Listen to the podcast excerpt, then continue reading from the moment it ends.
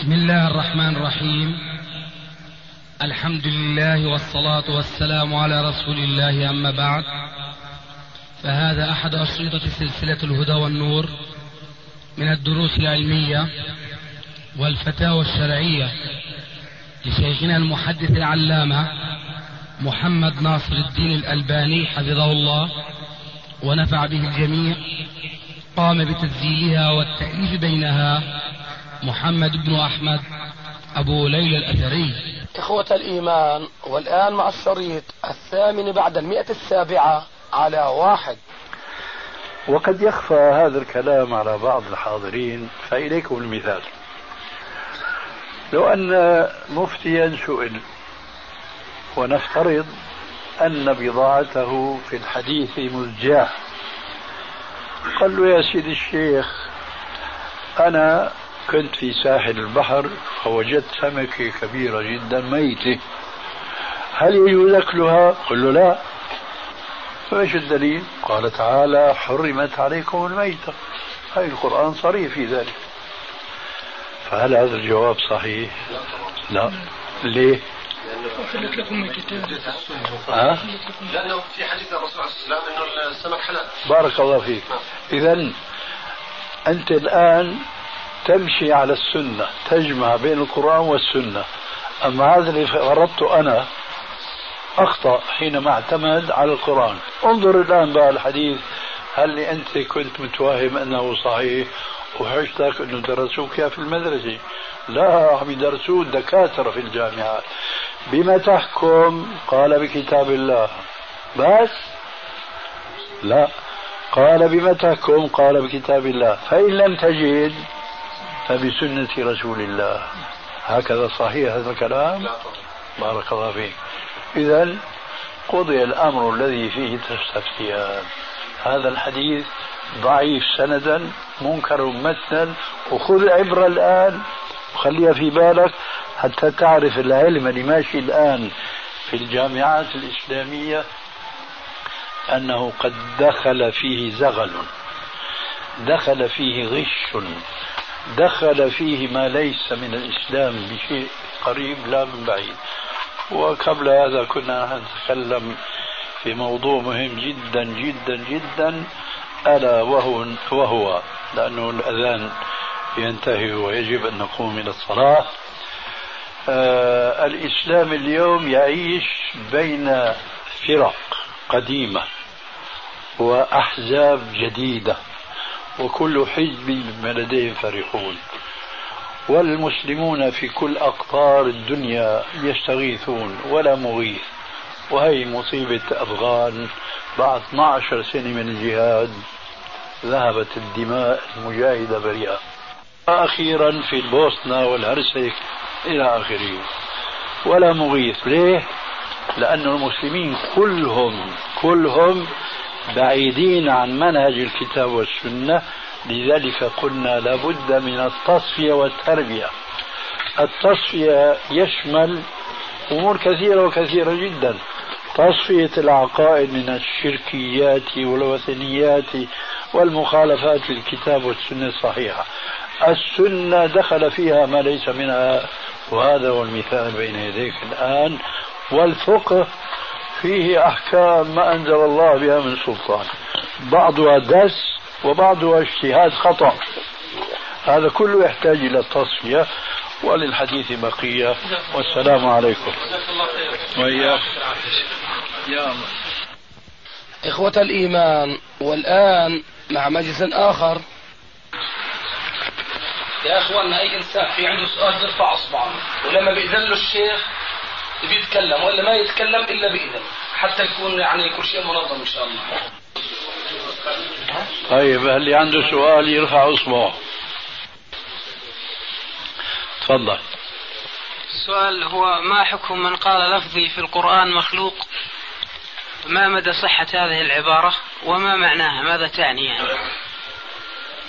جزاكم الله خير. أعتقد أن هذا السؤال كما يقال في هذا العصر غير ذي موضوع. غير ذي موضوع. يعني لا يترتب من ورائه فقه ولا عقيدة. إلا إلا إذا كان هناك فعلا يوجد شخص يقول لفظي بالقرآن مخلوق حينئذ نسأله. ماذا تعني أنت بهذا اللفظ؟ لأن هذا اللفظ يمكن استعماله بمعنيين متناقضين تماما. معنى صحيح ومعنى باطل. ولذلك صح عن الإمام أحمد أن من يقول هذه الكلمة لفظي بالقرآن مخلوق هذا جهمي. جهمي. بينما تلميذه الإمام البخاري كان يقول لفظي بالقرآن مخلوق أو من قال لفظي بالقرآن مخلوق فهو مصيب. كيف هذا؟ لأن هذه اللفظة تعني معنيين متعاكسين تماما. ما أدري يعني كأني أقول أني مضطر أن نخوض في مسألة تعتبر من علم الكلام المذموم من علم الكلام المذموم لكن كنت أتمنى أن لا يطرح هذا السؤال أولا وما دام أنه طرح هل هناك من يقول اليوم لفظي بالقرآن مخلوق فيما تعلم؟ يعني أنا هذا السؤال قرأته بس ما أجدت حفظه وما فهمت معناه بال إيه اسمع. اسمع. نعم. اسمع الآن الجواب. أظنكم تعلمون جميعا أن الصحابة رضي الله عنهم كانوا لا يتكلمون بتفصيل فيما يتعلق بآيات الصفات وأحاديث الصفات وإنما كما جاء عن بعض الأئمة أمروها كما جاءت. يعني مثلا وجاء ربك والملك صفا صفا لغة وجاء مفهوم. ربك صفة الخالق غير صفة المخلوق إذا لا تتعمقوا فيها. لا تقولوا كما يقول المعتزلة مثلا وغيرهم وجاء ربك أي جاء عذاب ربك أو جاء مثلا أمر ربك. هذه تآويل. أمروها كما جاءت.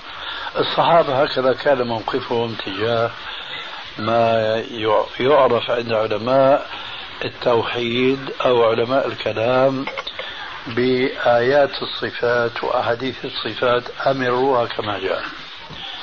لكن فيما بعد حينما اتسعت رقعة العالم الإسلامي وبدأ يتحقق شيء من نبوءة القرآن إذا جاء نصر الله والفتح ورأيت الناس يدخلون في دين الله أفواجا.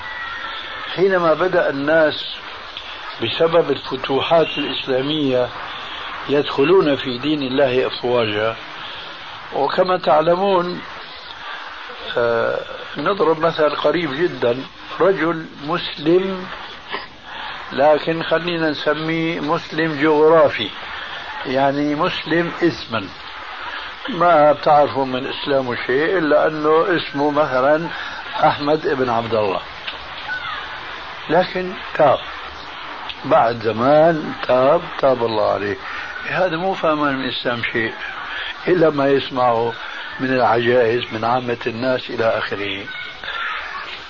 هذا صورة المسلم. أبا عن جد. فمن كان مثلا نصرانيا. جورج مثلا ابن طنيوس.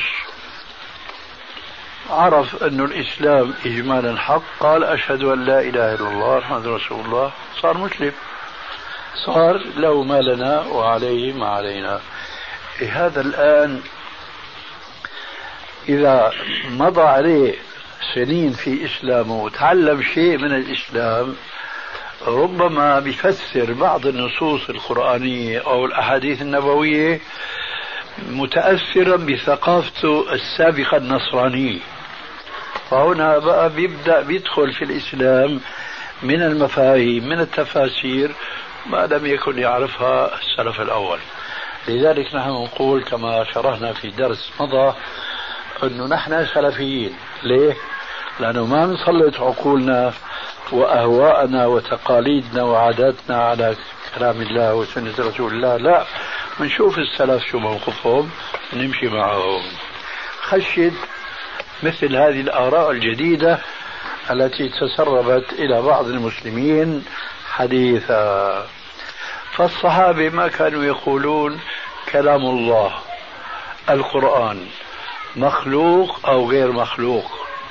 لأنه كلمة مخلوق أو غير مخلوق ما اجت طاريها ولا جاء ذكرها إطلاقا في ألسنتهم لكن هم في حقيقة الأمر يعلمون يقينا بأن القرآن كلام الله وكلام الله صفة من صفاته وصفة من صفاته كذاته لا يمكن أن يكون مخلوقان. لكن ما استعملوا هذه الكلمة؟ حتى جاءت المعتزلة. وجاء أولهم جهم ابن صفوان وإليهم تنتسب الجهمية المعطلة. فبدأ يشيع بين الناس أفكار ما يعرفها السلف الصالح. منها مثلا يقول كلام الله مخلوق. كلام الله مخلوق. موقف أهل السنة تجاه هذه الكلمة لابد أن يكون أحد موقفين. إما يسكتوا كما سكت السلف.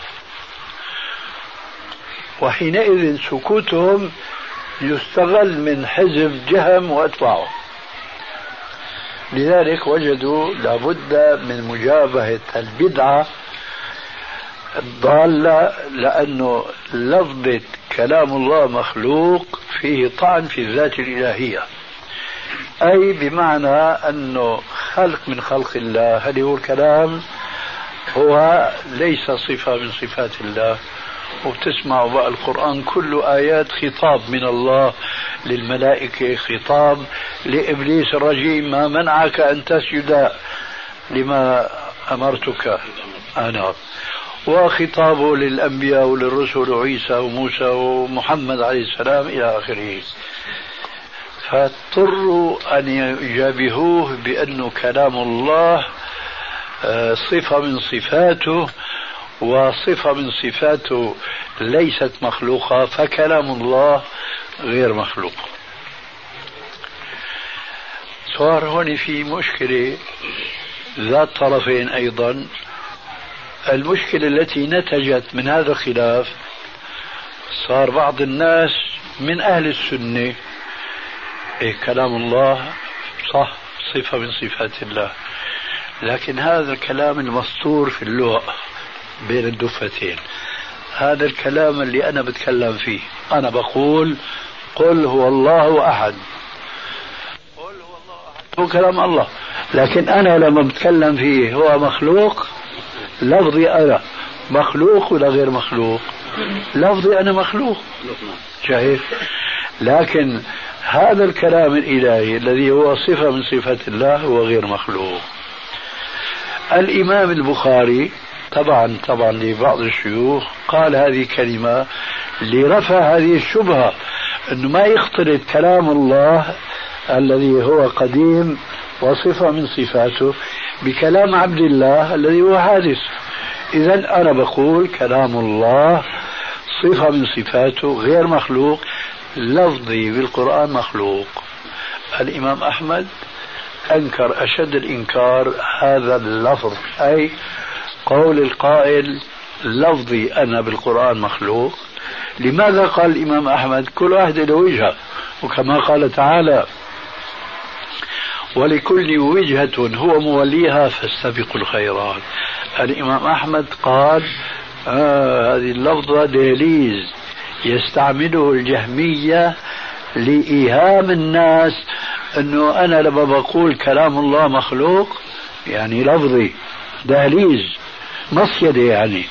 ولذلك هو سد هذا الباب وقال لا أحد يقول لفظي بالقرآن مخلوق لأنه يتخذه الجهمية المعطلة القائلون صراحة بأن كلام الله مخلوق يأتون إلى عامة الناس من هذه الزاوية من هذا الباب. فيقول لفظي بالقرآن مخلوق. هات واحد ينتبه لدسيستهم الإمام أحمد تنبه لبعض مقاصد الجهمية فسد هذا الباب. الإمام البخاري حتى ما يختلط صفة الخالق بالمخلوق قال أنا لفظي بالقرآن مخلوق لكن القرآن باعتباره صفة من صفات الله فهو غير مخلوق. فأنا بقول لكم الآن شو استفدتوا من الكلام هذا؟ لا شيء. لكن يجب أن تعتقدوا أن كلام الله ومنه القرآن هو ليس مخلوقا لأنه صفة من صفات الله. وكفى المؤمنين القتال. ويسعكم ما وسعكم السلف الصالح. لكن أنا لما بدي جادل معتزلي والآن نحن بلينا بواحد في عمال يصرح ويقول أنا معتزلي. أنا معتزلي. حينئذ راح نيجي نضطر نفصل له التفصيل هذا. يا أخي أنت بتقول كلام الله مخلوق تقصد لفظك أنت؟ ولا الله لما كلم الملائكة وكلم موسى وكلم الأنبياء كلهم كان يكلمهم بواسطة كما يقول المعتزلة بواسطة الشجرة. الشجرة قالت إنني فاستمع لما يوحى إنني أنا الله لا إله إلا أنا فاعبدني. الشجرة هيك تحكي الكلام. هذا ضلال كبير جدا. لكن إذا بده يخلص على الناس مثل ما فعلوا الجهمية قديما نحن بنفصل له. أنا إذا رويت حديثا عن رسول الله فأنا أنقل إليكم لفظ رسول الله أما هذا ليس لفظي. وكذلك إذا قلت لكم قال الله قل والله أنا أقول كلام الله وهذا ليس كلامي. ففرق بين كلام الله فهو غير مخلوق وبين لفظي أنا اللي بتلفظ فيه فهو مخلوق. ممكن أنا الآن يأتيني الأجل وما أستطيع أن أتكلم ولا كلمة. هذا هو الذي ينبغي أن نعلمه في هذه القضية. لكن عامة المسلمين ما يجوز لهم أن يدخلوا في هذه المتاهات وفي هذه الضلالات. لأنها تضر ولا تنفع. حتى لو قلت كلام الله غير مخلوق كلام الله غير مخلوق قد يأتيك المجادل بالباطل ويلف عليك ويدور ويرميك لا سمح الله على أم رأسك. فعليك أن تقول ليسعنا ما وسع السلف الصالح وكفى الله المؤمنين القتال تفضل. نعم. ما خلاص؟ لا أقصد يعني هل ممكن أفهم من الكلام إنه هو اللفظ كلفظ هو مخلوق مني لكن المتلفظ به أو الملفوظ به هذا هو كلام الله. تفضل. ما مدى صحة الحديث؟ من لم يهتم بأمر المسلمين فليس منهم. نعم. وكيف يتم اهتمام عامة الشعب بأمر المسلمين؟ وأنت كما ترى في هذه الأيام أمر المسلمين في بقاع العالم. نعم. أولا هذا الحديث ضعيف لا يصح من حيث إسناده. أما من حيث معناه فلا بد أن كل مسلم أقول كل مسلم يجب أن يهتم بشؤون المسلمين. لكن كل مسلم هذا الاهتمام يختلف باختلاف الأشخاص قدراتهم طاقاتهم ملكاتهم إلى آخره. يعني مثلا ربنا يقول في صريح القرآن الكريم؟ هل يستوي الذين يعلمون والذين لا يعلمون؟ لا يستوي. فإذا كل مسلم ينبغي أن يهتم بشؤون المسلمين كل بحسبه. كل بحسبه. انظر مثلا إلى الحديث الصحيح. لا يؤمن أحدكم حتى يحب لأخيه ما يحب لنفسه. هذا الحب الذي هو شيء قلبي يختلف فيه بين مسلم عادي وبين مثقف وبين عالم وطالب علم لا يختلف. إذا هذا يجب على كل مسلم أن يحب لكل مسلم ما يحب لنفسه. المسلمون اليوم يؤذون في كثير من بلاد الإسلام. كمثلا جماعة البوسنة والهرسك فأنت هل تحب ما يقع فيهم أن يقع فيك؟ حاشا لله. إذا يجب أن تحب لهم أن يحفظهم الله من اعتداء الكفار عليهم. هذا أقل شيء ممكن. لكن هناك مثلا رجل عالم. لكن هذا العالم لا يملك من السياسة وإدارة الدولة شيئا مطلقا. لكن يملك إيش؟ لسانه. فعليه أن ينصر هؤلاء بلسانه. كما قال عليه الصلاة والسلام انصر أخاك ظالما أو مظلوما. قالوا يا رسول الله هذا ننصره مظلوما فكيف ننصره ظالما؟ قال أن تأخذ بيده وتمنعه من ظلمه فذاك نصرك إياه. هذا يوجه إلى من؟ إلى من يستطيع أن يمنع الظالم من ظلمه. هذه المعركة الآن القائمة بين مسلمين البوسنة وبين الصرب النصارى. هذه ما بتفيد الكلمة. ما بيفيد إلا المدفع ووسائل القتال الحديث اليوم. هذا واجب الحكومات الإسلامية. مش واجب الأفراد المسلمين على اختلاف ثقافاتهم كما أشرنا آنفا. لكن مع الأسف الحكومات الإسلامية اليوم مع الأسف الشديد لا يحركون ساكنا لنصر المسلمين في كل البلاد التي يظلم فيها المسلمون. لعلي أجبتك عن سؤالك حديثيا أو رواية ودراية. فالحديث رواية ضعيف ودراية صحيح المعنى على التفصيل المذكور سابقا كل بحسبه. طيب غيره. تفضل. في سؤالين صحيح خليك هلا خليك قنوع بالأول. نعم. السؤال الأول قوله الذي يحرم إخوته البنات من الميراث. قولك فيه وحكم الشرع فيه. ظالم. ظالم مبير ومعتدي على الشرع. ولا يجوز هذا باعتبار الحال لما هو معلوم أنه لا يجوز الظلم مطلقا. كما قال عليه السلام في الحديث الصحيح اتقوا الظلم فإن الظلم ظلمات يوم القيامة. وبخاصة ظلم الضعيف أشد إثما من ظلم القوي لأنه القوي ممكن ربما أن يدافع عن نفسه. أما الضعيف وهو الجنس الرقيق الذي كان عنه الرسول بالقوارير هؤلاء لا يملكون حولا ولا صولا ولذلك فظلمهم آثم عند الله عز وجل من ظلم الرجال. هذا الجواب عن سؤالك الأول. السؤال الثاني هل يجوز إطلاق لفظ طبيعة على الأشياء؟ نقول هذه مناظر طبيعية وهذا عصير طبيعي هل هذا يجوز شرعا؟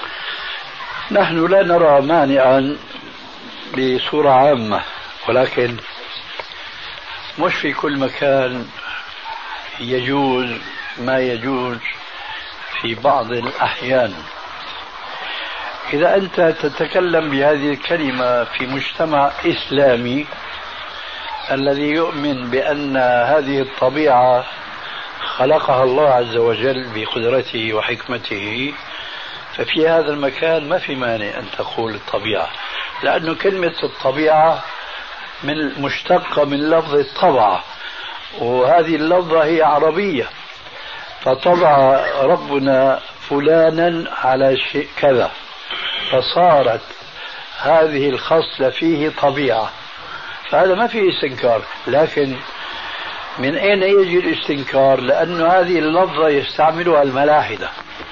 فيقول الطبيعة فعلت كذا والطبيعة آه، تصنع كذا والطبيعة تطور كذا وإلى آخره. فإذا كان المتكلم يتكلم بهذا الكلام في مكان لا يفيد السامعين بأنه يقول ما لا يجوز شرعا عرفت كيف؟ ما يجوز أن يتكلم بهذا الكلام. إذا كان الحاضرون يفهمون منه ما لا يريد. أما إذا كان الحاضرون يفهمون منه القصد الحسن فهذا ما في منه مانع. يشبه هذه الكلمة تماما كلمة تستعمل الصدفة الصدفة والله صدف أني التقيت مع فلان. نفس الجواب. الصدفة يستعملها الملاحدة صدفة وجد هذا الكون. صدفة وجد هذا النظام الدقيق الذي حير عقول علماء الفلك والجغرافيا والطبيعة. لكن من من ألد الكفر وأشده أن يقال أن هذا الكون المنظم بهالدقة وجد هيك طفرة صدفة. فإذا يقال في كلمة صدفة ما يقال في لفظة الطبيعة. وهذا كله يدخل تحت قاعدة إسلامية مهمة جدا هي التي تقول كلموا الناس على قدر عقولهم. أتريدون أن يكذب الله ورسوله؟ فالإنسان لما بده يتكلم كلمة قبل ما يلفظ بها يجب أنه يديرها في ذهنه. يا ترى إذا قال كذا شو راح يكون أثرها وإذا حولها إلى لفظة أخرى إلى آخره. بعدين يعتمد على واحدة بعد أن درسها دراسة أسرع من كمبيوتر آخر الزمان. لذلك لما جاء في الحديث الصحيح في مسلم أن النبي صلى الله عليه وآله وسلم أعطى نعليه لأبي هريرة وقال له خذهما. فمن لقيته فبشره بأن من قال لا إله إلا الله دخل الجنة. ولحكمة يريدها الله كان أول من لقيه عمر الخطاب الفاروق. فقال له الكلمة هي فهاج عمر وكبر عليه الأمر ودفعه في صدره ورماه على إسته على دبره.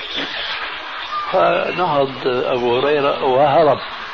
يركض وعمر يركض خلفه حتى دخل أبو هريرة على رسول الله وخلفه عمر.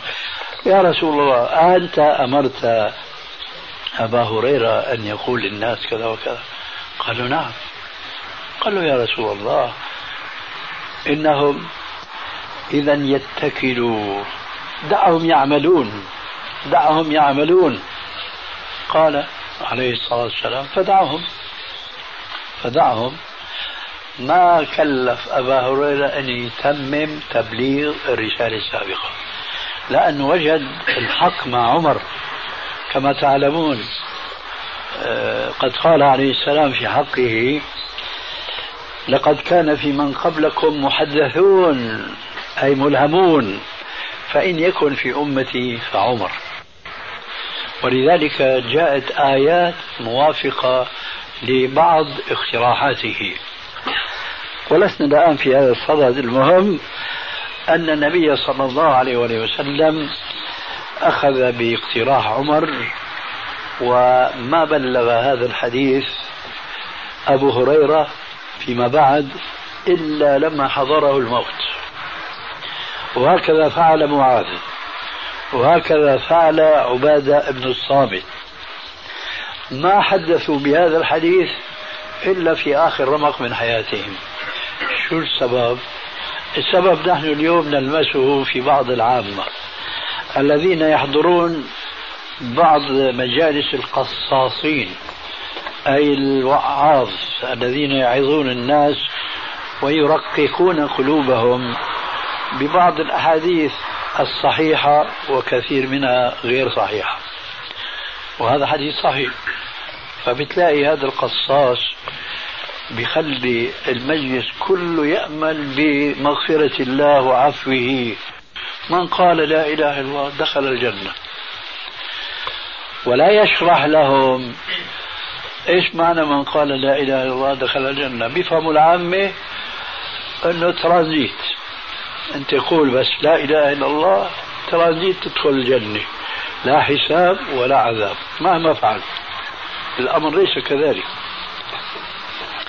لذلك كلموا الناس على قدر عقولهم. إذا رويت هذا الحديث في مجلس عام كهذا المجلس الذي جرنا الكلام إلى ذكره فلا بد من بيان المقصود منه. حتى لا يغتروا وسبحان الله هناك حديث صحيح بيقول الرسول عليه السلام من توضأ فأحسن وضوءه ثم صلى ركعتين لا يحدث فيهما نفسه غفر له ما تقدم. ثم قال عليه السلام وهذا من غرائب الأحاديث. ولا تغتروا ولا تغتروا. تقولوا أنا صليت ركعتين بعد ما أحسنت الوضوء. خلاص. إنا فتحنا لك فتحا مبينا ليغفر لك الله ما تقدم من ذنبك وما تأخر. لا ليه؟ لأنه كل الأحاديث التي تأتي في باب الترغيب يجب أن تتذكروا فيها الحقيقة التالية. مثلا الحديث المشهور من سبح الله دبر كل صلاة ثلاثة وثلاثين وحمد الله ثلاثة وثلاثين وكبر الله ثلاثة وثلاثين ثم قال تمام المئة لا إله إلا الله وحده لا شريك له له الملك وله الحمد على كل شيء قدير غفرت له ذنوبه وإن كانت مثل زبد البحر. إذا مجرد ما نصلي صلاة ونسبح ونحمد ونكبر 33 33 وآخرها شهادة لا إله إلا الله خلاص غفر لنا لا تغتروا لما؟ لأنه هذا الذكر ما قال من قال مطلقا من سبح من حمد وإنما قال بعد الصلاة دبر كل صلاة. إذا هذه مربوطة بتلك ترى. هذه الصلاة التي صليناها كاملة ولا ناقصة؟ ما أحد يستطيع أن يقول عن صلاته مهما كان زاهدا مهما كان صالحا. ما يستطيع أن يقول أنه أنا صليت صلاة مثل ما الله بده ومثل ما رسوله بين لنا. قال صلوا كما رأيتموني يصلي. ما أحد يستطيع أن يقول هذا. أولا. ثانيا لقد قال عليه الصلاة والسلام إن الرجل ليصلي الصلاة ما يكتب له إلا عشرها عشرها تسعها ثمنها سبعها ستها خمسها. ربعها نصفها. بالكثير إيش؟ النصف. وين راح النصف الثاني راح بالتفكير بالإسراء باللحن إلى آخره. أنا بقول هنيئا لمن كتب له اليوم نصف الصلاة. آه. هذا الذي كتب له نصف الصلاة وعاد يسبح. وخاصة مثل ما رأيت اليوم واحد بيعمل هيك. وهذول تشوفون كثير أو بالسبحة هذول غفر الله له ما تقدم من ذنبي. هيهات هيهات ما توعدون لذلك أحاديث الترغيب كلها إنما هي تشجيع لذكر الله عز وجل وفي الحدود التي شرعها الله ثم لكل إنسان من هذا الفضل ما يتناسب مع تحقيقه للعبادة التي كان هو في صددها. فإذا نعود إلى الحديث. من قال لا إله إلا الله دخل الجنة. أولا من قال هل يعني مجرد قول ولا عقيدة؟ عقيدة. أي إذا معنى الحديث من قال معتقدا مش من قال متلفظا. هذه ما أظن فيها إشكال عند عامة الناس لكن انظروا ما يأتي. من قال لا إله إلا الله إذا المعنى معتقدا. طيب ولا إله إلا الله. فاهما ولا بدون فهم؟ بفهم. هون بقى المشكلة الكبرى. أكثر المسلمين إلى اليوم لا يفهموا معنى لا إله إلا الله. وأنا أعتقد من تقصير الجماعات الإسلامية اللي تكلمنا اليوم بكلام عام حينما تكلمنا عن حديث الفرق 63 73 والفرقة الواحدة هي الناجية. أنا أقول الآن كل الجماعات الإسلامية لا تدندن حول هذه الشهادة الطيبة الكلمة الطيبة. لا تتكلم حولها أبدا. وبخاصة أن الله عز وجل أمر نبيه فقال له فاعلم أنه لا إله إلا الله. ترى فاعلم هذا أمر بأمر مستحب. هذا أمر بأس الإسلام أصل الإسلام الذي ما بعده قام عليه. فاعلم أنه لا إله إلا الله. المسلمون اليوم لا يعلمون كما أمرهم الله معنى هذه الشهادة التي قال الرسول دخل الجنة. والآن نمضي ولا نقف هنا. نفترض الآن أن زيدا من الناس عالمة. عالم معنى لا إله إلا الله. والمعنى الملخص الملخص هو أنه لا معبود بحق في الوجود وفي الكون كله إلا الله. أي كما جاء في بعض الأحاديث من قال لا إله إلا الله وكفر بما سواه. ما بكفي أنه يعتقد أن الله واحد في ذاته واحد في عبادته واحد في أسمائه وصفاته. يجب أن يكفر بكل ما على الأرض قديما وحديثا من المعبودات بالباطل. حينئذ هذا يكون قد علم معنى لا إله إلا الله. الآن نفترض جيد من الناس فهم المعنى الصحيح ليه فاعلم أنه لا إله إلا الله. والرسول يقول من قال لا إله إلا الله دخل الجنة. لا شك دخل الجنة إذا مات على ذلك. فمن يضمن أن يموت على ذلك؟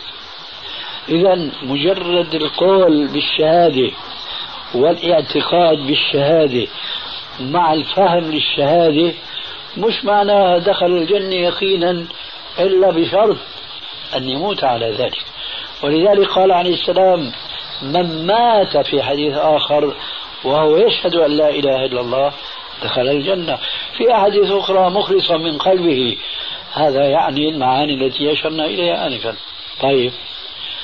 ولو فعل التسعة وتسعين معصية جمع كل هذه الشروط. فهل يدخل الجنة ولو فعل كل هذه المعاصي؟ الجواب نعم. أيضا الجواب نعم لأن هذا وقع. كان رسول الله صلى الله عليه وسلم يوما خارج المدينة. ومعه أبو ذر. فأوقفه في مكان وابتعد قليلا. فسمع صوتا. أبو ذر سمع صوتا وهو في المكان الذي أوقفه الرسول عليه السلام فيه أو عليه. ثم رجع الرسول صلى الله عليه وسلم إليه. فقال عليه السلام أتاني جبريل آنفا فبشرني. وقال لي بشر أمتك أن من قال لا إله إلا الله دخل الجنة. قال الرسول قلت يا جبريل وإن زنى وإن سرق؟ قال وإن زنى وإن سرق. لما روى الحديث رسول الله إلى أبي ذر عن جبريل.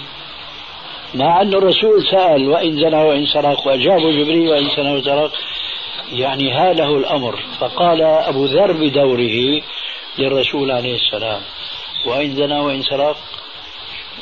ماذا يسعى الرسول أن يقول بعد أن الرسول مرسل من الله جبريل إلى محمد؟ ويقول له بشر ويسأل الرسول جبريل يقول له وإن زنى وإن سرق ويعطي جواب وإن زنى وإن سرق. شو بيصعب إذا قال أبو ذر للرسول مثل ما قال الرسول لجبريل؟ بده يقول له وإن زنى وإن سرق. لكن لا يزال في شيء. قال له وإن زنى وإن سرق؟ قال وإن زنى وإن سرق. قال وإن زنى وإن سرق. قال وإن زنى وإن سرق. رغم أنفك يا أبا ذر. هذا شيء عظيم جدا. إيش معنى إذا الحديث في النهاية؟ تفصيل الحديث إذا توفرت الشروط اللي ذكرناها كلها وفيها هذا السؤال جواب وإن زنى وإن سرق. إذا مصير هذا الموحد مصيره أي عاقبة أمره أن يدخل الجنة. لكن هذا لا يعني أنه لا يحاسب ولا يعني أنه لا يعذب. إلا أن يشمله الله عز وجل بمغفرته ورحمته. إذا فتأكيد الرسول عليه السلام تبعا لجبريل بقوله وإن زنى وإن سرق يعني أن هذه الشهادة تنفع قائلها والمعتقد بها يوم القيامة حتى لو فعل ما فعل.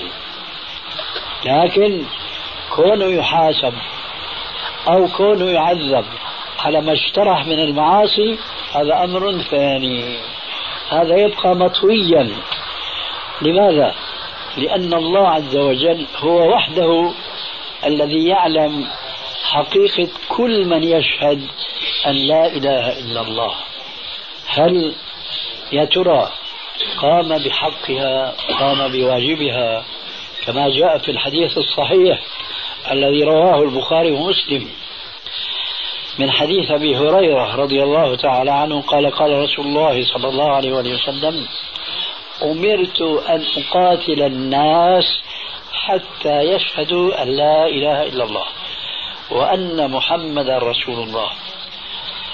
فإذا قالوها فقد عصموا مني دماءهم وأموالهم إلا بحقها وحسابهم على الله. إلا بحقها. ترى هل هؤلاء الذين يقولون لا إله إلا الله بعد الشروط والأوصاف التي قلناها انفا على التسلسل السابق قاموا بحق هذه الكلمة الطيبه أم لا؟ فإن كانوا قاموا بحق هذه الكلمة فهم الذين يدخلون الجنة بدون عذاب لكن لا نقول بدون حساب والرسول عليه السلام يقول في الحديث الصحيح البخاري من نوقش الحساب عذب من نوقش الحساب عذب إذا هؤلاء المسلمون الذين يشهدون أن لا إله إلا الله وتحققت الأوصاف التي ذكرناها كلها وقاموا بحقها. حقها طبعا القيام بما فرض الله والإجتناب عما نهى الله. وهذا باب واسع جدا جدا. فإذا قاموا بالحق دخلوا الجنة بدون عذاب لكن ليس معنى ذلك بدون حساب لماذا؟ لأن دخول الجنة بدون حساب يتطلب القيام ببعض الفضائل من الأعمال وتصوروا لا يمكن لحاسوب لكمبيوتر مهما كان ضخما ومهما كان دقيقا أنه يعطينا عدد أهل الجنة. سيكون عددهم من يوم خلق الله آدم إلى أن تقوم الساعة. بلايين البلايين البلايين إلى آخره. لا يعلم عددهم إلا الله عز وجل. من هالبلايين البلايين بدهم يدخلوا الجنة. قديش عدد الذين يدخلون الجنة بدون حساب؟ سبعون ألفا. سبعون ألف فقط يدخلون الجنة بدون حساب طبعا ولا عذاب. قال عليه الصلاة والسلام ذات يوم وهو في المسجد. يدخل الجنة من أمتي سبعون ألفا بغير حساب ولا عذاب وجوههم كالقمر ليلة البدر. ودخل إلى الحجرة وترك الناس بعد أن ألقى فيهم هذا الحديث. فأخذوا يتظننون ويتحذرون حزيرة مين هذول هنيئا لهم. من يكون هؤلاء؟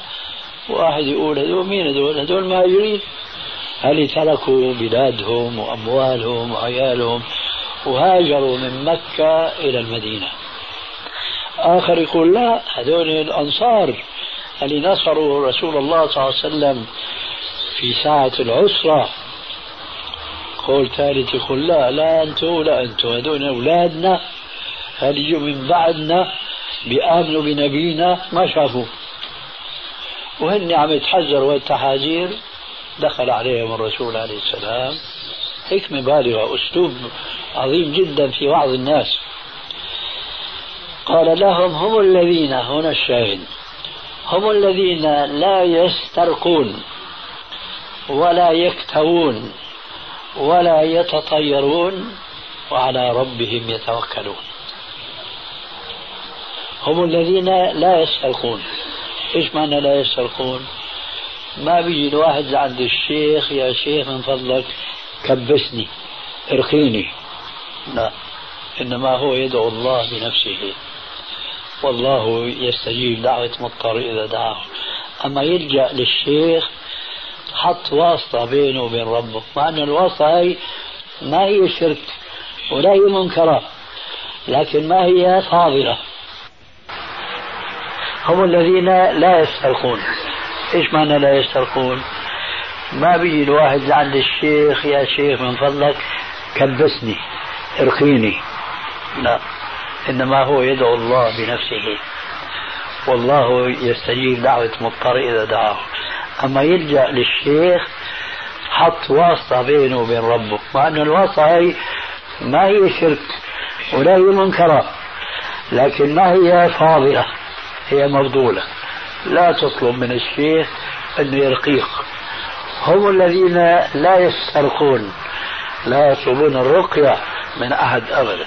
يتوكل على الله بعد أن يتخذ الأسباب المشروعة من التعويذات الواردة في السنة الصحيحة وهكذا. هم الذين لا يسترقون ولا يكتوون الكي عرف العرب بطب الكي منذ القديم إلى اليوم. والحقيقة أن النبي صلى الله عليه وسلم مدح الكي كوسيلة طبية عربية. وذكر في بعض الأحاديث آه نعم. شفاء أمتي. إيه هكذا يعني. آخر دواء الكي لا لا. ذكر أنه العلاج في ثلاث أشياء شرطة محجم وكي بنار وتلاوة قرآن أو كما قال عليه السلام. نعم. ها؟ شربة عسل اي نعم. صح. خلاصة أن الرسول عليه السلام آه، أحسن الثناء كعلاج على الكي لكنه قال في آخر الحديث وأنهى أمتي عن الكي وأنهى أمتي عن الكي لماذا؟ لأنه تعذيب بالنار ولا يعذب بالنار إلا رب النار.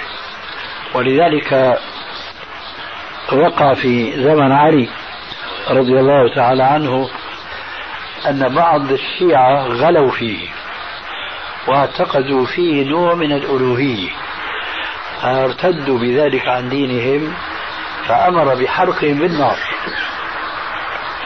ولما بلغ خبره إلى عبد الله بن عباس قال لو علمت ذلك لمنعته من أن يعذبه بالنار لأني سمعت رسول الله صلى الله عليه وسلم يقول لا يعذب بالنار إلا رب النار. فمن أجل أن الكي فيه تعذيب النار نهى مع أنه فيه فائدة للمعالجة لبعض الأمراض.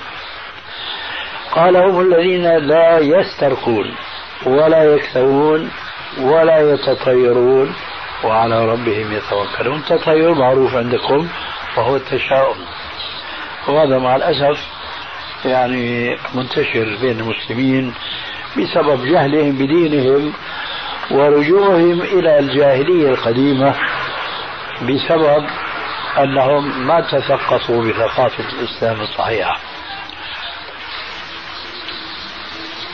ومثل هذا التطير مثله تماما الطيرة. الطيرة. واستعمال بعض الأمور لدفع الشر العين زعموا. فأنتم بتشوفوا اليوم كثير من أصحابين السيارات الجديدة الفارهة بيعلقوا في دبرها نعل. ما شفتوا هالشيء هذا؟ نعل. وهالنعل هاي كل ما كانت عتيقة ومهرية كل ما كانت تدفع الأثر أثر العين عن هذه السيارة الجديدة. هذا منتهى الجهل. الطيرة في الإسلام محرمة وهي مشتقة من الطير وكانت من عادات الجاهلية. الجاهلية الحقيقة فيهم متناقضات فيهم عقل وفيهم بلاهة متناهية من هذه البلاهة المتناهية أنه الواحد منهم إذا عزم على السفر وتهيأ للسفر وحضر الزاد والمزاد وكل شيء ما بقى إلا يركب الناقة أو الجمل. وركب ومشي شوي وإذ صار طير قدام منه. هذا الطير إذا أخذ يمينا خلاص هي سفرة مباركة وإذا أخذ يسارا هي سفرة مشؤومة. من هنا سميت الطيرة لأنه إلى علاقة بالطير هذه كان يتشاءم به الجاهلي. يا ترى عقل هذا الإنسان أكبر ولا إذا صح التعبير عقيل هذا الحوين الصغير وهو الطير. لا شك شو جاب الله عز وجل كما قال ولقد كرمنا بني آدم وحملناهم في البر والبحر وفضلناهم على كثير ممن خلق تفضيلا. لا شك أن هذا الإنسان خير من هذا الطير. كيف صار الطير الصغير قائد لهالإنسان الكبير؟ هذا من عجائب ما وصل به انحطاط العقل الجاهلي. طيب ما بالكم اليوم يا معشر المسلمين؟ رجعتم إلى الجاهلية. طيب تعلقوا هذا النعل شان المحافظة على السيارة. شو تأثير هذا؟ قال برد العين. هيك بيقولوا. النعلة بترد العين ما برد العين إلا الله وإلا ما شرع الله وهكذا الخلاصة لقد يعني شردنا كثيرا وكثيرا جدا عن موضوع وين كان الموضوع؟ الطبيعة, الطبيعة. إذا كان الموضوع في الطبيعة ثم أردفناها بالصدفة ثم أوردنا الحديث وكيف أن السلف تحرجوا من تحديث بهذا الحديث إلا في آخر وفاتهم. لماذا حتى لا يساء الفهم للحديث النبوي؟ فما بالك تقول أنت الطبيعة أو الصدفة يجب أن نقولها بحذر. حتى ما يفهم الناس شيئا لا تريده أنت لأن الرسول وافق أخيرا على اقتراح عمر أن هذا الحديث لا ينبغي إذاعته هكذا خشية أن يساء فهمه. وقد عرفنا ما هي الشروط أن تتوفر في الذي يشهد أن لا إله إلا الله ليكون ناجيا من العذاب يدخل الجنة بدون عذاب. فهمنا هذا أما بدون حساب سبعين ألف بس. صفتهم هم الذين لا يسترقون ولا يكتوون ولا يتطيرون وعلى ربهم يتوكلون. غيره الشيخ إذا طلب منه مثلا ابن الشيخ شو يرد على اللي طلب منه مثلا؟ لا بيرقيه. إذا طلب منه يرقيه. لأن النبي صلى الله عليه وآله وسلم قد قال من استطاع منكم أن ينفع أخاه فليفعل. وهذا قاله بمناسبة الرقى. فإذا هنا في شيئين. يكره لك أن تطلب الرقية من غيرك. ويستحب في حقك أن تجيب طلب المسترقي منك. فلا نربط لأن الأصل الأصل أو القاعدة أن المؤمنين نصح وأنه كما قال تعالى في القرآن الكريم وتعاونوا على البر والتقوى ولا تعاونوا على الإثم والعدوان هنا بلا شك ما في إثم لكن في كراهة. واحد يطلب من آخر الرقية في كراهة. لماذا؟ لأنه خالف هذا الحديث.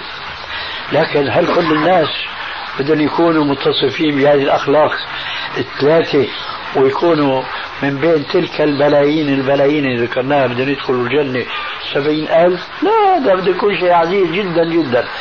لكن على كل حال لما كان هذا حكم ليس محرما ولا يرتكب صاحبه إثما ما في مانع أبدا أن المطلوب منه الرقية أن يرقي أخاه المسلم لأنه قد ينفعه. فأنت إذا تعاطيت سببا قد تنفع أخاك المسلم ما في مانع. لكن هو لا ينبغي له أن يتعاطى سببا قد ينتفع به وإنما عليه كما قال تعالى وعلى الله فليتوكل المتوكلون. وهنا قضية أهم من هذه بالنسبة لقوله تعالى ولا تعاونوا على الإثم والعدوان. أحيانا قد يكون الطالب لشيء ما ليس هو الرقية كما ستسمعون لا يجوز له أن يطلب ذلك ومع ذلك فالمطلوب منه يجوز له أن يعطيه والظاهر أن هنا يكون أعانه على مخالفة الشرع لكن هذا المعين ليس قصده الإعانة وإنما قصده دفع العار عنه فهو معذور. مثلا روى الإمام أحمد في مسنده والحاكم في والحاكم في مستدركه من حديث أبي سعيد الخدري أن الرجل كان يأتي إلى النبي صلى الله عليه وآله وسلم يسأله وهو قوي. يسأله شو معنى يسأله؟ يشحد منه يعني. فيعطيه عليه الصلاة والسلام ما تيسر له. فإذا ما انطلق الرجل قال عليه السلام إنه خرج من عنده يتأبطها نارا. يعني صدق لطلبها وحط تحت إبطه يقول الرسول عليه السلام خرج يتأبطها نارا. إيه هذا واضح جدا وعليكم السلام. واضح جدا أن سؤال هذا السائل كان غير يعيش ولا ما كان هذا التهديد والوعيد الشديد يتأبطها نارا لذلك قالوا له يا رسول الله فلم تعطيهم؟ لم تعطيهم؟ قال عليه السلام هنا الشاهد يسألونني يسألونني ويكره الله لي البخل. يسألونني ويكره الله لي البخل. بمعنى مقام النبوة والرسالة مقام سامي وعالي جدا. فينبغي على صاحب هذا المقام أن يتعاطى كل وسيلة لكي لا تخدش ولو بسمعة سيئة لسبب صدر من الرسول عليه السلام. لسبب صدر من الرسول. لذلك لا يجعل نفسه يصدر منه مثل ذلك السبب. يسألونني ويكره الله لي البخل. أي لو أن الرسول عليه السلام لم يتجاوب مع هذا السائل ولم يعطه ورجع الرجل يقول يتحدث أمام الناس ماذا؟ عكس ما وقع لرجل من قبيلة لا أذكرها الآن رئيس قبيلة. فسأل الرسول عليه السلام أو ما سأله ما أذكر الآن إنما أعطاه مئة راس من الإبل. يكاد يطير مخه هذا الإنسان عمره ما أخذ من أحد هبة مئة راس من الإبل. وبتعرفوا الإبل غالي خاصة بهذيك الأيام فما كان منه إلا أن عاد إلى قبيلته بهذه المئة راس وقال يا جماعة أسلموا. آمنوا بالله ورسوله فما رأيت إنسانا أكرم منه يدا فأسلمت القبيلة كلها. إذا عطاؤه عليه السلام هذه العطية الكريمة البالغة كان سبب هداية قبيلة والعكس قد يكون سبب معاكس تماما. لو أنه لم يعطي من يسأل والرسول يعلم أن هذا لا يحق له السؤال له السؤال بيرجع بيقول الرسول بخيل. كلمة بخيل وصمة في صحيفة النبوة والرسالة. ولذلك هو لا يريد أن يفسح المجال لمثل هذه الوصمة يريد أن يسد الطريق إليها فيعطي السائل ولو كان غير محق. فلما أعطى ونبه أن هذا السؤال لا يجوز لأنه خرج يتأبطها نارا. إذا لماذا تعطيه يا رسول الله؟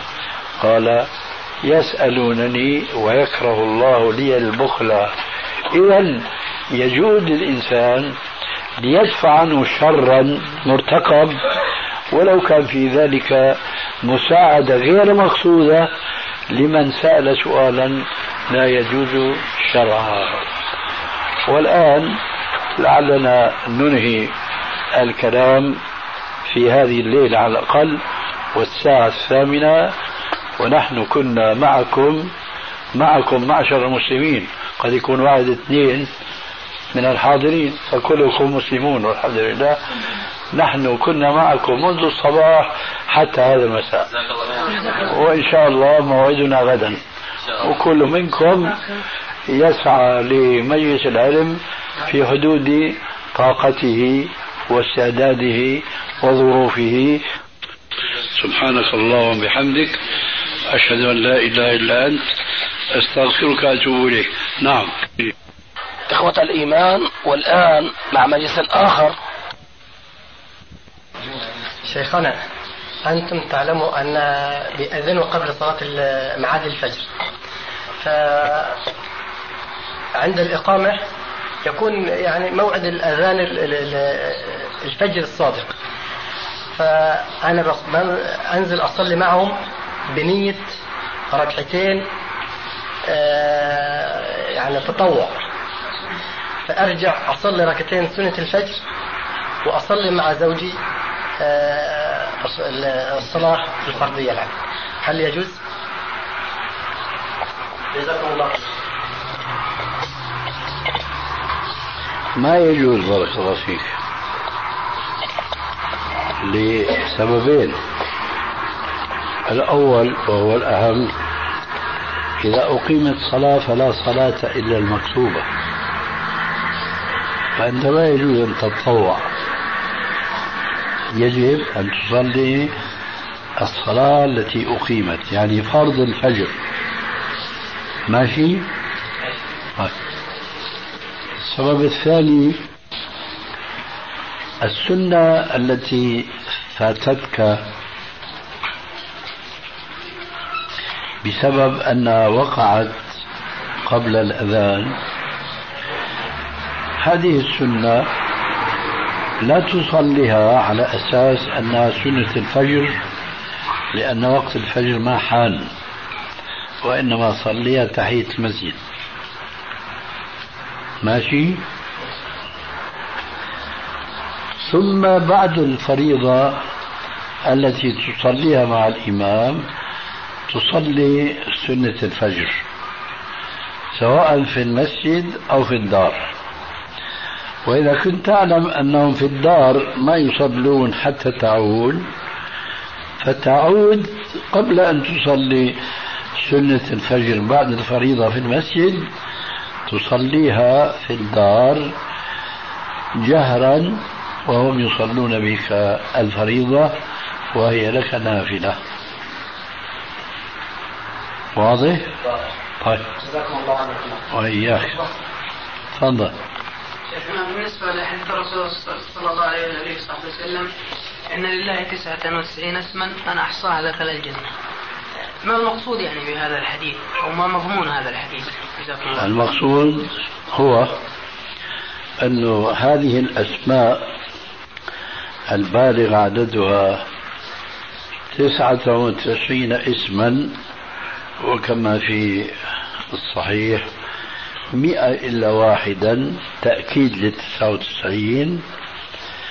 من أحصاها أي من تمكن من استخراجها والعثور عليها من القرآن وحديث الرسول عليه السلام كان هذا جزاؤه أن يدخل الجنة.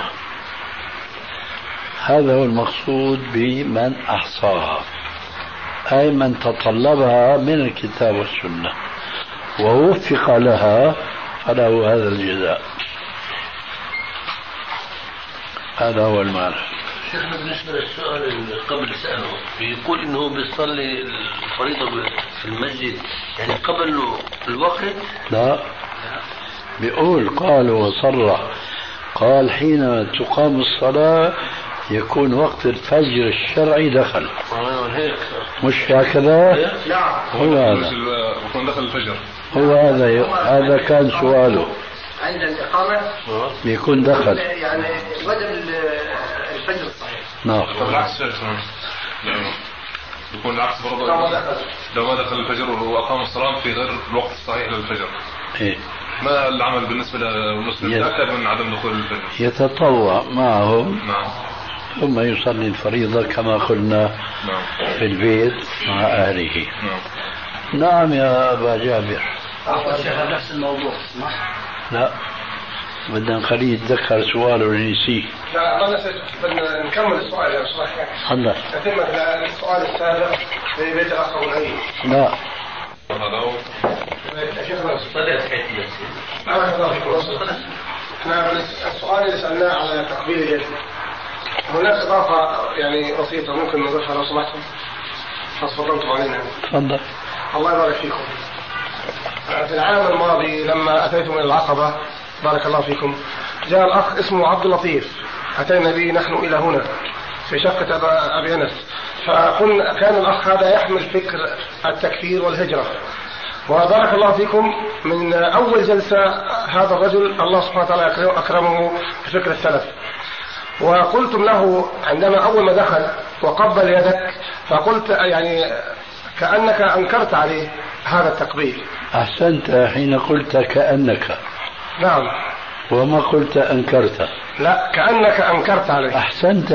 بارك الله فيك. إيه. فماذا وراء هذا؟ و... يعني عند ابو ليلى ما أنكرت. ولا هنا أنكرت. ولا هنا إيه. أنكرت. هيك قال أبو جابر؟ نعم. هكذا قال أبو جابر. أنا كاني يعني يعني شفت من كلام كأن الش- الشيخ أنكر على هذا الشاب لكنك قلت كأنك كأنك أنكرت نعم. ولذلك قلت أحسنت. الله يبارك فيك. لكن إذا بتسحب كلامك بسحب كلامي أنا. فهل أنت تقول أنكرت أم كأنك لا كأنك أنكرت عليه. إذا لا قيمة لهذا. الله يبارك فيك. إيه. هذا الكلام الإجمالي. الكلام التفصيلي كلهم هؤلاء الذين يعيشون معنا يعرفون الحقيقة التي سمعتموها ويعرفون كأنني أنكر. كأنني أنكر. وهلا بدون ما أنا أشرح لهم بسألهم صح ولا لا؟ ليه؟ لأنه ما بريد أنا. أنا ما بريد أن تقبل يدي لكن شرعا أنا ما بنكرها. شرعا لا أنكرها. آه، شرعا. أي. لا تنكرها شرعا. شرعا. ولكن فضيلتكم لا تريدون التقبيل ما أريدها. الله يبارك فيك. ولذلك قلت لك أحسنت حينما قلت كأنك. الله يجزيكم الخير شيخنا. وهون صاحبك. صاحبك أبو أنس كان بده يسأل سؤال أنا لسه لي سؤال. ما خلصت؟ ما خلص يعني أنا عندي شيخي لك عبارتين. لك إيه. في التقبيل واحد يقبل يد الشيخ. آه. بده يستأذن قال يا شيخ تسمح لي أقبل يدك. قال له لن تحظى بها.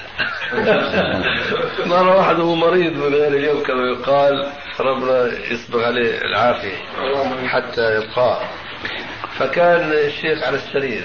فجاء الدكتور الله يسهل عليه وهو نايم الشيخ اجى يصافح يده قبلها. قال له استضعفتني؟ قال شيخ وحده ما ترضى انت.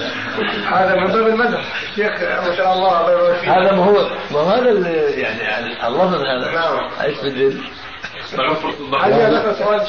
أنا شخصيا لا أريد. نعم. لكن لا أمنع من ذلك ما دام الشرع سمح بالتفصيل الذي أوضحته. نعم ولكن هذا رأيناه عندما نرى الإخوة يقبلون رأسك. نرى بأنك لا ترى يعني في من يعني لا لا تتكلم ولكن نرى من الوجه كأنك تنكر هذا. إيه، لأن هذا ليس كهذا هذا لم يأتي فيه حديث صحيح. آه إذا هذا نعم. خاصة وخاصة أنه هذا التقبيل في إزعاج للمقبل. الحقيقة أنه لما يكون في زحمة وبدأت هذه الظاهرة في مسجد أبو مالك يعني. لكن إذا رحنا للسعودية لا أكاد أستطيع المشي. تلاقي واحد من هون وواحد من هون وواحد من هون. يا جماعة والله هذه مخالفة لسنة الرسول. هذا ما في إشكال أبدا.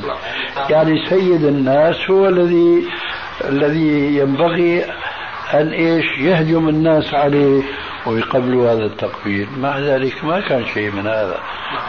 وبعدين الله يرحم آه، ابن عبد البر هذا حافظ من حفاظ الأندلس النوادر. لأنه الحقيقة المشرق هو منبع العلم. المغرب جاء فيما بعد. فقل فيه من حفاظ وهذا من هذه القلة. بيقول تقبيل اليد السجدة الصغرى. تقبيل اليد سجدة صغرى خاصة لما تقترب مع شيء من الحناء. بعدين بيقول هو أو غيره ما أذكر الآن. تقبيل اليد آه، مذلة للتابع وفتنة للمتبوع. فهذا التقبيل اللي بشوفه أنا في السعودية خاصة ثم الذين سرت إليهم عدوى السعوديين بصورة عامة هذه فتنة لهذا المقبل. فتنة لأنه ما هو بشر ما هو نبي معصوم إنما هو بشر. فلما بيجوا الناس من هون ومن هون ومن هون الله يحفظنا ويثبتنا بقوله الثابت فتنة. ولذلك نكره نحن هذه الأشياء. لكني أفرق حيث فرق الشارع. لو ما جاء تقبيل اليد في بعض الأحاديث الصحيحة والآثار الصحيحة ما قلت بها إطلاقا. لكن هذا التقبيل السعودي هذا هذا ليس له أصل. ليس له أصل صحيح في السنة. لذلك أنا أفرق بين ما ثبت وبين ما لم يثبت. بارك خلاص هذا؟ لا لسه سؤال لسه ما خلص شيخنا يقول أسئلته لازم تكون في دويرة شيخ يا أبو خير. إيه، إيه. أسئلتك لازم تكون في دويرة نعم. شيخنا لو تفضلتم يقولون بعد جماعات بأن شيخ الإسلام ابن تيمية رحمه الله آه، أفتى بقتل الطاغوت. وأي كان الطاغوت؟ قال أي كان الطاغوت؟ سواء كان ملك رئيس وزير ضابط إلى أدنى شيء العسكري أو الشرطي بمعنى يقال. قال هذا يعني الفتوى لابن تيمية لابن تيمية رحمه الله. فقلنا أين قالوا في الفتاوى الكبرى؟ فيعني نحن لم نقرأ الفتاوى الكبرى ولو تفضلتم. إذا كان هذا الأمر صحيح تشرحون هذا الأمر. بارك الله فيكم. أنا جوابي ما المسؤول عنها بأعلم من السائل؟ أي أنا مثلك. أنا لا أعلم عن ابن تيمية مثل هذه الفتوى بهذا التفصيل. هذا من جهة. من جهة أخرى هب أنه قال ذلك فهو قد قاله في زمن كان زمنه غير زمننا. قاله في زمن كان يحكم بالإسلام يحكم بالإسلام وكان هو نفسه يباشر أعمالا يباشر أعمالا هي من وظيفة الولاة والحكام.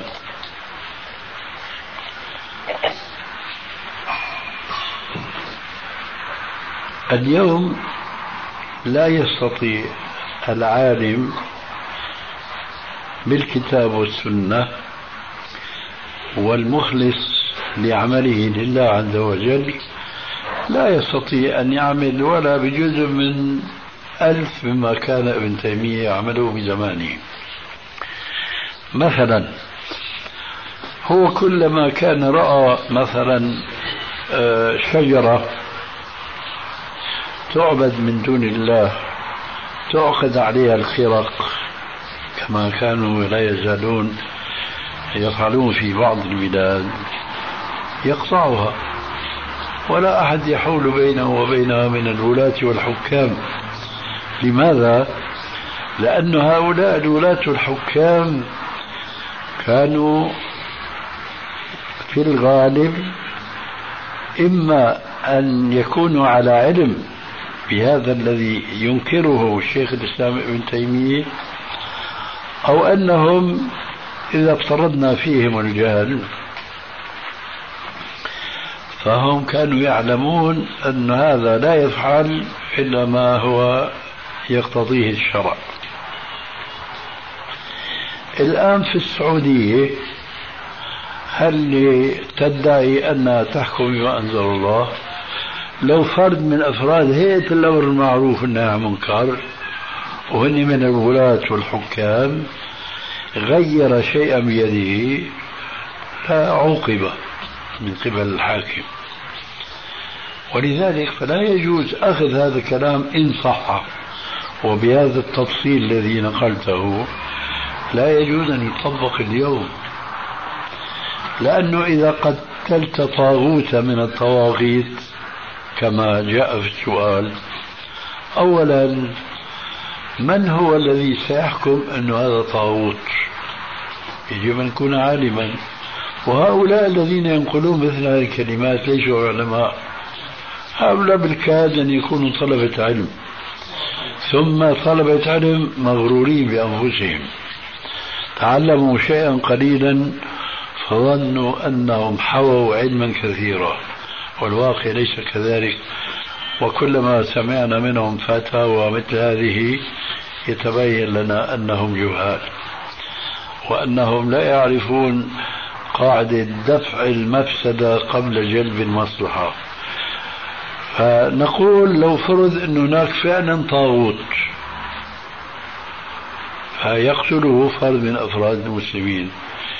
سيقتل مقابل هذا الطاغوت عشرات ومئات هيك بيقول ابن تيمية؟ ما بيقول ابن تيمية حاشا لله. ولذلك لو وجدت مثل هذه الفتوى الصريحة الواضحة فلا يطبق في هذا الزمان. لأنه أحسن حاكم اليوم يمكن أن يقال هو الذي كان إلى عهد قريب يطبق الأحكام الشرعية. لكن اليوم استووا مثل ما قال هذيك هذاك التركي هبسي بربر. يعني الحكام كلهم تقريبا سواء. لا نستطيع أن نقول حاكم يقيم حدود الله وحاكم لا يقيم حدود الله. لكن ممكن نقول بعضهم شر من بعض. بعضهم شر من بعض. إذا تنفيذ هذه الفتوى هي عم نشكو منها أنه اللي بيثوروا في مصر بيثوروا في الحرم المكي في سوريا أخيرا في الجزائر. وهذه فتاوى التي قد تكون لها صحة صدرت من من بعض العلماء فيجب أن تدرس قبل كل شيء. هل هذه الفتوى صحيحة؟ من حيث نقلها عن ذاك العالم. بعد أن تثبت عن ذاك العالم ينبغي دراستها موضوعيا لأنه مو كل قول بيقوله عالم يكون صحيح. يجب أن تدرس بأدلته الشرعية. فإذا فرضنا كما صح نقله عن ذاك العالم صح نقله عن الشارع. ثالثا وأخيرا نقول هذا حق لكن هل الآن يمكن؟ مثلا نقول نحن الجهاد في شك أنه الجهاد فرض؟ ما في شك. طيب خلينا نجاهد. عم نقدر نجاهد لأنه راح يعود هذا الجهاد على المسلمين المجاهدين بشر أكبر مما هم فيه الآن. ولما بيصدق يشوف السعودية وما جرى بالدعوة السلفية بسبب الخروج من جماعة الجهيمان في الحرم المكي. إن في ذلك لذكرى لمن كان له قلب أو ألقى السمع وهو شهيد. نعم. شيخنا بالنسبة لإنسان أنهى الوضوء أو أثناء الوضوء تذكر أنه لم يسمي فما حكم وضوءه؟ ساعة إذا يسمي. ساعة يتذكر يسمي. أثناء الوضوء وإذا أنهى. كذلك. كذلك. لا إذا في طبعا قيد إذا أراد الاحتياط يستأنف الوضوء لأنه عملية سهلة. عملية سهلة. عملية إعادة الوضوء. تذكر بعد زمن مثلا. خلاص. ربنا لا تؤاخذنا إن نسينا أو أخطأنا. جزاك الله بالخير. وإياكم. الليلة عندما سهرت سهرتنا. يا شيخ أنا قرأت كثير من الناس. لو سمحت والله. ما في أسئلة. خلاص هذه كلمة واحدة. مشغول يا الله. هلا بيجي واحد بس. لا لا صغير خليه أبو جابر هو الضامن. يعني في بداية الحديث بيقول لك نهانا رسول الله صلى الله عليه وسلم ألا نبول في الماء الراقد والشطر الثاني إيش ألا إيش الحديث؟ ألا نبول في الماء الراقد نهانا آه أو إيه نهينا الراكد إيه. آه، في الماء الراقد. راكد الراقد نعم. راكد بالكاف والدال. نعم. طيب. وألا نمتشط كل يوم ف ولا إيش؟ ألا نمتشط نمتشط. نهى عن الترجل كل يوم. هذول حديثين. لكن ما هو سؤالك عن هذين الحديثين؟ الأول نهى عن البول في الماء الراكد. الحديث الثاني نهى عن الترجل إلا غبا. نهى عن الترجل إلا غبا. فما هو سؤالك الآن في الحديث الأول والحديث الثاني؟ لأن نمتشط الانتشار. الامتشاط كل يوم. هو المنهي عنه. كل يوم. أما غبا يعني يوم إيه يوم لا هذا جائز. يوم يوم لا. يوم ويوم. يوم آه ويوم لا. 12 من المع... من المعلوم إن هناك بعض العمال بيعملوا في مصالح خاصة. فتجد إن الزبائن يقدمون أكرم... إكراميات من تلقاء حالهم. هذه حالة. الحالة الثانية أحيانا ال- الشغيل نفسه أو العامل نفسه يطلب هذه الإكرامية. فما حكم ال... ال... الدين في هذا الأمر؟ جزاكم الله خير. أما أن يطلب إكرامية فهذه مذلة. لا يجوز للمسلم أن يتعرض لها لأن الرسول عليه السلام كان يقول اليد العليا هي المعطية واليد السفلى هي الآخذة. وكان يقول لا تسأل الناس شيئا ولو أعطني الصوت. مفهوم هذا الحديث عندك. طيب. وكيف يكون شحاذ يسأل المال وهو لا يستحقه وليس من حقه. أما إذا أعطاه الزبون بوازع من نفسه فهنا لابد من التفصيل التالي. إن كان ما أعطي له لأنه قام بالعمل الذي يطلبه منه معلمه. وليس لأنه قام بعمل لا يعلم به معلمه فيدفعه له بطيب نفسه ومن خاطره فهو جائز. أما إذا قضى لهذا الزبون هذا الأجير قضى له عملا دون أن يعلم به معلمه فهذا المال الذي يأخذه سحت له. واضح؟ جزاك الله خير. بارك الله هاي, هاي من مددك. طيب.